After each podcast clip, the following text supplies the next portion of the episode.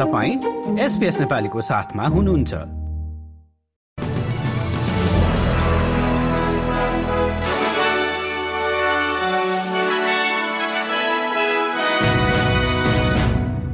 नमस्कार आज बुधबार चौध फेब्रुअरी सन् दुई हजार चौबिस। अब पालो भएको छ एसपीएस नेपालीमा आजका प्रमुख अस्ट्रेलियन समाचारहरू सुन्ने।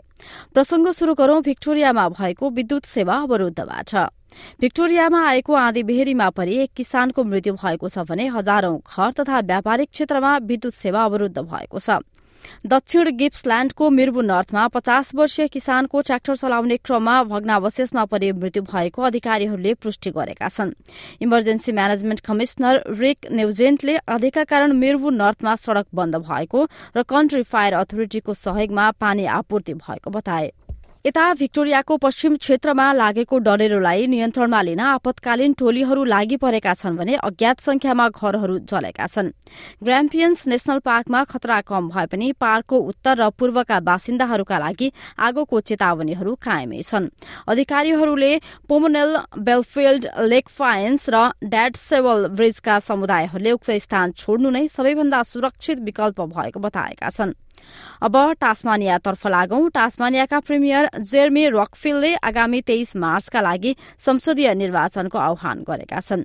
टास्मानियामा लिबरल पार्टीका दुईजना सांसदहरूले पार्टी छोडी स्वतन्त्र भएसँगै लिबरल पार्टी अल्पमतमा परेको छ।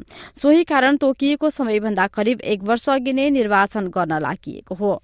त्यस्तै अस्ट्रेलियामा आर्टिफिसियल इन्टेलिजेन्सको जोखिमपूर्ण प्रयोग पहिचान गर्न विज्ञान प्रविधि कानून र नैतिकताका बाह्रजना विज्ञहरू नियुक्त गरिएका छन्। सरकारको safe and responsible A one अन्तरिम प्रतिवेदन सार्वजनिक भएको झण्डै एक महिनापछि उद्योग तथा विज्ञान मन्त्री एड ह्युसेकले विज्ञ समूहको घोषणा गरेका हुन्। अब खेलकुदमा टेनिस अस्ट्रेलियाको शीर्ष स्थानमा रहेका पुरूष टेनिस खेलाड़ी एलेक्स डिमिनरले रोटरडम ओपनमा सेबास्टियन खोडालाई छ चार र छ तीनले हराएका छन्।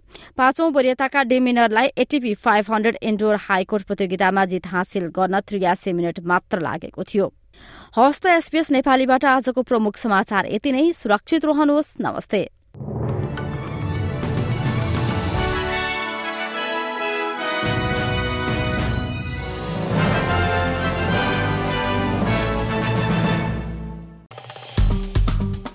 लाइक र कमेन्ट गर्नुहोस्।